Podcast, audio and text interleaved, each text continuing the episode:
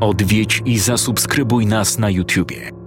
Bądź na bieżąco z nowymi filmami i słuchaj jeszcze więcej mrocznych historii. Mystery TV. Więcej niż strach.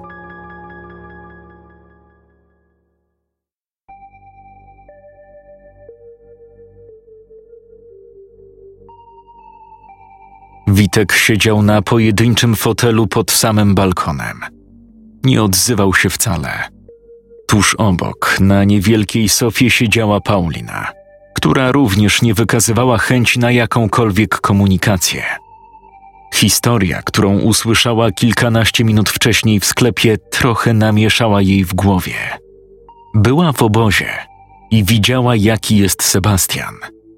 Nikt nie wyglądał tam na nieszczęśliwego.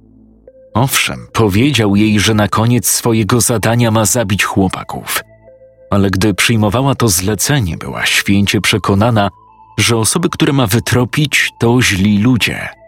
Grupa jakichś sukinsynów, dla których śmierć mogłaby być karą za to, co robili dotychczas.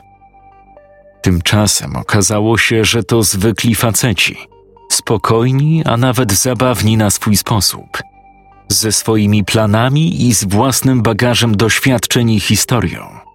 Do tego jeszcze Witek. Miała totalny mętlik w głowie. Tymczasem Mikołaj mocno debatował z Przemkiem w kuchni. Możesz mi właściwie wyjaśnić, o co tutaj do chuja karmazyna chodzi? Co ciszej, no nie muszą wszystkiego słyszeć. Gówno mnie obchodzi, czy coś usłyszą, czy nie. Słuchaj, jeszcze trzy dni temu byłem ja i byłeś ty. No i jeszcze Franek z Banek, który obmyślił cały plan i nas w niego wtajemniczył. Ledwo dotarliśmy do Warszawy i już kurwa same problemy. Najpierw zwala nam się na chatę jakaś laska. Chuj wie skąd i po co. I zamiast wywalić ją za drzwi, przyjęliśmy ją do siebie. Wyszliście z chaty do sklepu i wracacie z jakimś kurwa gościem z dupy wziętym. Co my jesteśmy? Jakaś postapokaliptyczna pomoc dla samotnych? Kółko kurwa wzajemnej adoracji? Mieliśmy spieprzać we trzech, a ty robisz nam jakiś wesoły autobus. Już? Już wyraziłeś swoje niezadowolenie? To teraz posłuchaj. Ten gość ocalił nam dupę dwukrotnie. Dwukrotnie, rozumiesz? Raz w sklepie, a drugi raz pod samym blokiem. Gdyby nie on sam, realizowałbyś sobie plan z Frankiem. Jeszcze kilka minut temu mówiłeś, że najpierw nasłał na nas zakażonych. Tak, ale to było przez pomyłkę. Przez pomyłkę? Jak można napuścić na kogoś pieprzonych zombie przez pomyłkę? Słuchaj, z całej czwórki, a nawet piątki wliczając w to Franka, ten gość ma najwięcej rozsądku. Jeśli miałbym liczyć na kogokolwiek w chwili zagrożenia, naprawdę liczyłbym tylko na niego. W pomieszczeniu zapadła cisza. W tym momencie uświadomili sobie, że z salonu również nie dobiegają żadne dźwięki.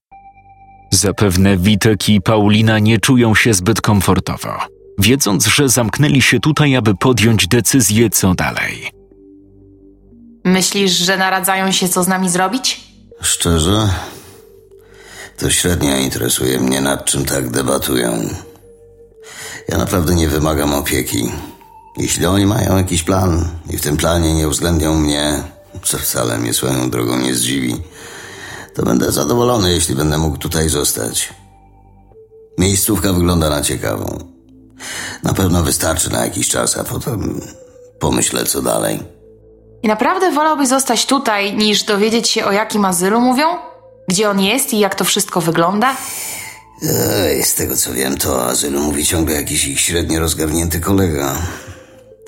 Dla mnie to na razie tak samo wiarygodna informacja jak kociołek ze złotem na końcu tęczy. I ponownie cisza. Z kuchni dobiegały ich tylko stłumione odgłosy Mikołaja i Przemka. Paulina zastanawiała się, czy całe przedsięwzięcie wypali. Obawiała się tylko Witka, ponieważ mógł być poważną przeszkodą w jej planie, o ile w ogóle dojdzie do jego realizacji.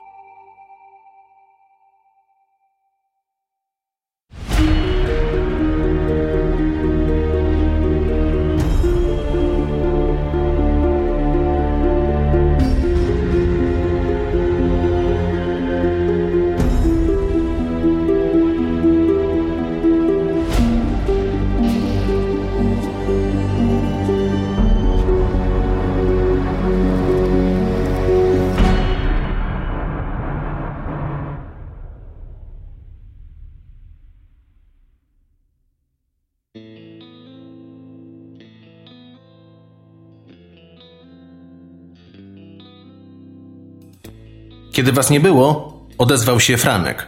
Podał nam adres? Spokojnie, nie bądź taki narwany. Daj mi dokończyć. Okazuje się, że sytuacja nie jest wcale taka prosta, jak z początku mogła się wydawać. No i czemu mnie to nie dziwi? Zaraz się okaże, że w ogóle nie ma azylu. Frankowi się przyśniło, albo usłyszał o zupełnie nowym azylu w innym miejscu, tylko teraz musimy czekać, aż zbierze dokładne informacje na jego temat. Franek twierdzi, że ktoś wpadł na jego trop. Co? Nie wiem dokładnie o co mu chodziło. Stwierdził, że chyba ktoś z obozu białych czaszek namierzył go i zlokalizował. Albo przez radio, albo przez chuj wie co, nie wiem. Nie znam się na tych jego zabawkach. W każdym razie uważa, że ktoś chce nam nieco pokrzyżować plany. Ta wiadomość mocno zaniepokoiła Mikołaja. Natychmiast w jego głowie przewinęło się kilka myśli. Paulina, dziewczyna, która chciała do tego obozu dotrzeć. Ale tak naprawdę nie mają pewności, czy to, co im powiedziała, jest prawdą. Równie dobrze już mogła należeć do tego obozu, a całe jej pojawienie się w ich mieszkaniu mogło być jakimś zadaniem, które dostała. Swoją drogą, czy to nie dziwne, że tak szybko trafiła na to konkretne mieszkanie? W tym właśnie bloku na całych Bielanach? A Witek? Twierdził, że należał do obozu. Ale czy aby na pewno należał? A może należy nadal, a jego celem było zabicie ich? Dlatego nasłał na nich nieumarłych, a gdy udało im się ich pokonać, wcisnął im bajkę o swoim smutnym losie w obozie? Nie, to nie ma najmniejszego sensu. Jeśli Witek faktycznie miałby za zadanie zlikwidować ich, po prostu by to zrobił. Zabiłby ich w sklepie bez chwili zastanowienia. Chyba, że chciał dowiedzieć się, gdzie jest Przemek. Dlatego ich oszczędził. Dlatego uratował ich pod blokiem. Miał szukać schronienia, tymczasem śledził ich, by odkryć kryjówkę. A teraz siedzą tam z Pauliną. Razem. Tylko oni mają broń. Prawdziwą broń, a nie jakieś wiatrówki na śród. Może to wszystko jest sprytnie ukartowaną intrygą, aby doprowadzić ich do Franka i wyciągnąć z niego informacje na temat obozu? Nie, to niemożliwe. Nie chciał w to wierzyć. To nie może być prawda. Paulina tajnym agentem z obozu? Kurwa, ona nawet nie potrafi strzelać. Witek? Odkrył już kryjówkę. Mógł spokojnie ich zastraszyć, namierzyć ze swej giwery i wymusić dane. Nie, to się kompletnie kupy nie trzyma. No dobrze, ale powiedział coś konkretnego? Znasz Franka nie od dziś. Wiesz, że gada tak, jakby mu ktoś udarem w dupie wiercił. Ciężko zrozumieć, o co mu chodzi. Aha, czyli po prostu sobie ubzdurał, że ktoś go namierzył, tak? Ale powiedział chociaż skąd ma takie podejrzenia? Dlaczego tak uważa? I co z tymi pieprzonymi zombiakami pod jego domem? Co z adresem? No właśnie, poczekaj. Wszystko zaraz ci po kolei streszczę. Otóż podobno usłyszał przez moment czyjś głos na falach, na których mieliśmy się kontaktować tylko my. Dwa, trzy słowa wyrwane z kontekstu, ale na tej fali. No i to już jest powód do takich wniosków? A co to jakaś prywatna fala? Przecież ktoś mógł przez pomyłkę wejść na tę częstotliwość. Też mu to zasugerowałem, ale on jest przekonany, że ktoś nasłuchuje tego kanału i przez przypadek ktoś się odezwał. W ten sposób zdradzili się, że nas podsłuchują. No dobra, jeśli nawet, to jakim cudem namierzyli jego lokalizację? Franek twierdzi, że można, jeśli ma się odpowiedni sprzęt i umiejętności. Podobno podchodzi to pod jakieś szpiegowanie wojskowe, działania militarne, ale ewidentnie jest trochę obsrany. Kurwa. No nie brzmi to dobrze. Myślisz, że to przez ten jego azyl? Że jest to na tyle pewna i ważna informacja, że ktoś z szeregów militarnych byłby tym zainteresowany? Według Franka tak. Jest to zajebiście cenna informacja. No ale póki co nie ma pewności, że ktoś wie, gdzie on jest. Możemy być spokojni, tak? No i tu pojawia się problem.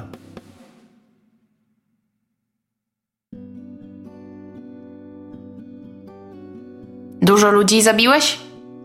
Pytanie Pauliny wyrwało Witka z zamyślenia. Spojrzał na nią, jakby nie do końca rozumiał, o co jej chodzi. Tak ogólnie, nie w obozie. Parę osób było. Ale zawsze robiłem to tylko i wyłącznie z jednego powodu. By chronić siebie i rodzinę. No tak, nie liczy się, czy ktoś jest winny, czy nie. Jeśli mi zagraża, muszę przetrwać. Wygrywa silniejszy. Cholerne prawo dżungli. A ty? Ile osób zabiłaś? Tym razem to Paulina poczuła lekkie zakłopotanie. Co powinna w tej sytuacji powiedzieć? Prawdę? Czy może zrobić z siebie twardzielkę i trochę wyolbrzymić stan rzeczywisty? Dotarło jednak do niej, że Witek doskonale widział jej zdolności do posługiwania się bronią. Dlatego zdecydowała się na pierwszą opcję. Zero. Zabiłam, o ile można to tak nazwać, kilku lub kilkunastu zakażonych. To wszystko. No właśnie. Czy nie wiesz, jak to jest odebrać komuś życie? A ja wiem. I uwierz mi, to naprawdę nic przyjemnego. Nawet jeśli wiesz, że ten ktoś chce zrobić tobie krzywdę, nawet gdy wiesz, że jeśli tego nie zrobisz, to możesz zginąć ty albo osoba, którą kochasz. Nawet w takich przypadkach nie jest to łatwe.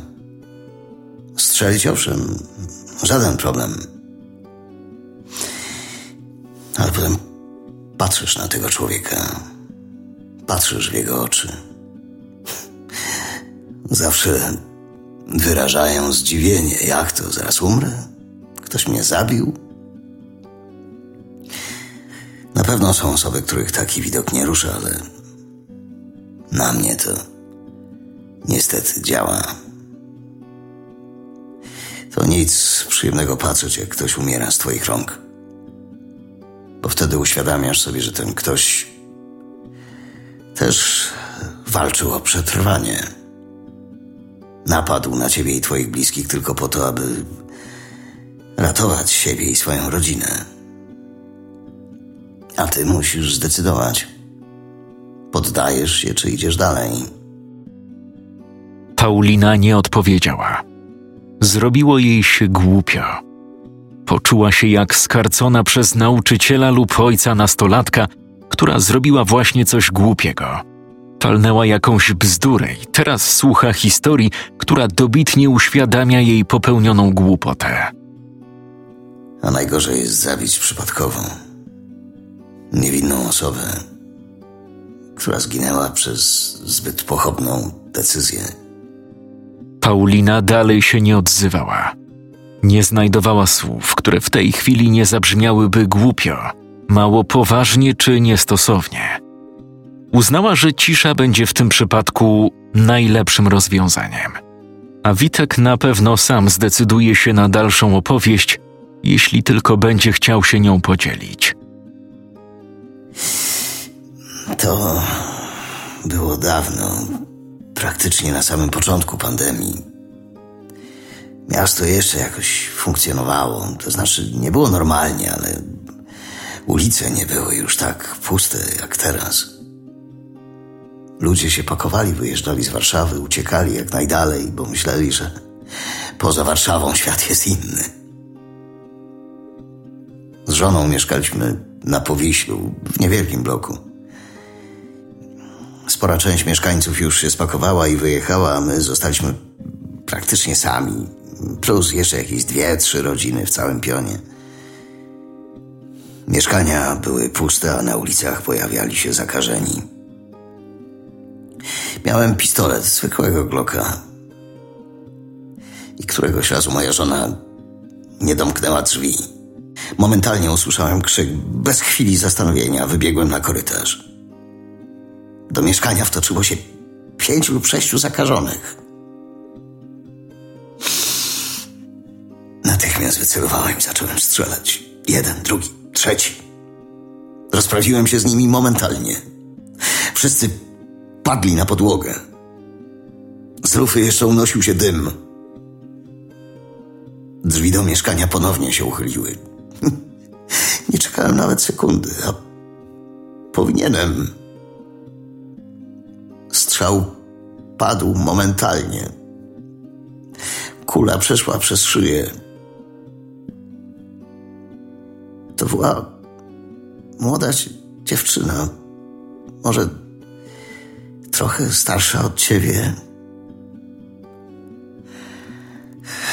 Momentalnie opadła na podłogę. Nie była zakażona, była zdrowa. Strzał nie uśmiercił jej od razu. Podbiegłem do niej, chciałem jakoś pomóc, zatamować krwawienie, ale wiedziałem, że to nic nie da. Rana była zbyt głęboka, krwawienie zbyt obfite. Wiedziałem, że zostało jej kilkadziesiąt sekund. Zapytała, czy nie widziałem jej siostry. Mieszkała podobno w moim bloku. Wiedziałem, o kogo jej chodzi.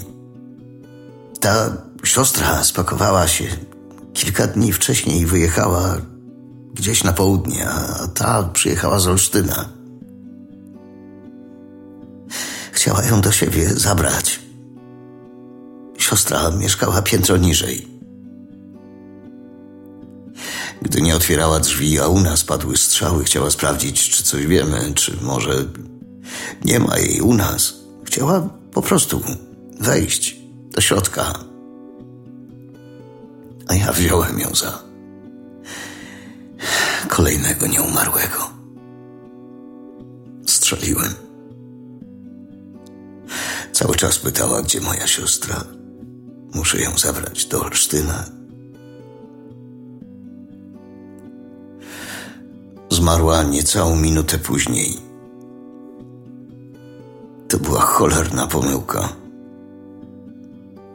Ale twarz tej dziewczyny widzę niemal codziennie. Jej spojrzenie,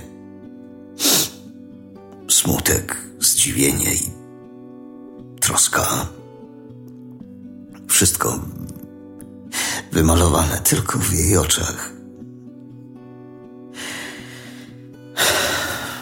Także widzisz, zabijanie nie jest wcale takie normalne. Jaki znowu problem. Odkąd złapaliśmy kontakt z Frankiem, nie słyszę nic innego, tylko problem. Franek zauważył pod swoim domem. On określił to jako patrol. Patrol? Ta, podobno nie widział pod swoim domem żadnego samochodu od prawie roku. Tymczasem pojawił się jeden, jakiś jeep. Jechał powoli, jakby ktoś ze środka rozglądał się i szukał odpowiedniego miejsca. Franek uważa, że próbowali zlokalizować jego dom, ale nie zatrzymywali się, bo po podwórku ciągle biega grupa zarażonych. Dlatego może to nie jest nic strasznego i chłopak wyolbrzymia? Wiesz, ludzie się przemieszczają, prawda? My też byliśmy w Olsztynie, później w innych wiochach, potem Przasnysz, teraz Warszawa. Też szukamy jakiegoś schronienia. I być może ludzie, których rzekomo widział, podobnie jak my, szukają jakiejś kryjówki. Gdybyś dał mi dokończyć, to nie wysnuwałbyś takich teorii. Ten samochód pojawił się tego dnia jeszcze dwukrotnie. Za trzecim razem zatrzymał się centralnie pod bramą Franka. Wysiadło z niego trzech gości i rozglądali się wokół. Nie wchodzili za bramę, bo zniechęcali ich do tego zakażeni, którzy na dźwięk auta ruszyli w stronę ogrodzenia, ale Franek twierdzi, że to tylko kwestia czasu, jak postanowią wejść, zajebać zombiaków, a następnie przedrzeć się do środka domu. Cholera. To wszystko brzmi jak z jakiegoś pieprzonego filmu. Ale co on zamierza zrobić? Uważa, że nawet jeśli zdecydują się go zaatakować, to uda mu się przed nimi obronić? Nie jest taki głupi. Sam wie, że raczej nie miałby z nimi szans. Dlatego powiedział jasno, że musimy jak najszybciej się spotkać i spieprzać stąd, póki jeszcze możemy. No to co my tu jeszcze do cholery robimy? Czemu tutaj stoimy zamiast być już w drodze? Franek nie podał dokładnego adresu. Co? To znaczy, rzucił jakieś dziwne hasła, które chyba mają nam pomóc ustalić, gdzie on jest. Nie wiem po co, bo skoro go namierzyli, to mógł powiedzieć wprost, gdzie jest i tyle. No niekoniecznie. Jeśli nas podsłuchują, wiedzą doskonale, że nie mamy pojęcia o jego miejscu pobytu, tak?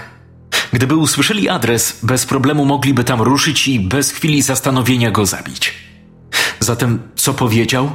Powiedział coś w stylu: Fajnie byłoby wrócić do dawnych czasów, jak kiedyś na studiach, kiedy w sesję zrobiliśmy sobie wypad na zabawę w CS-a. Tylko tyle. Coś mi to świta, coś pamiętam, ale kurde, jak przez mgłę. Bemowo. Co? Bemowo. Franek jest w domu swoich dziadków na Bemowie. Skąd wiesz? Na pierwszym roku studiów, pamiętasz? Przed samą sesją Franek zaproponował wypad do Warszawy. Do domu dziadków na Bemowie, niedaleko lotniska i szkoły pilotów. Tam jest taki duży las i tam poszliśmy biegać z paintballem. No, mówiłem, że coś mi świta, ale nie do końca. Ale ja pamiętam dokładnie. I po całej zabawie byliśmy w tym domu. Pamiętasz? Piętrowa chata, w której Franek miał cały swój kosmiczny arsenał. Lunety, radiostacje, krótkofalówki, masa broni, wiatrówek, no nie pamiętasz? Ten pokój kojarzę, ale za cholerę nie pamiętam, że to na Bemowie. No bo byliśmy tam raz. Franek miał jakieś mieszkanie na Ursynowie chyba, ale najwidoczniej po śmierci dziadków przeniósł się na Bemowo.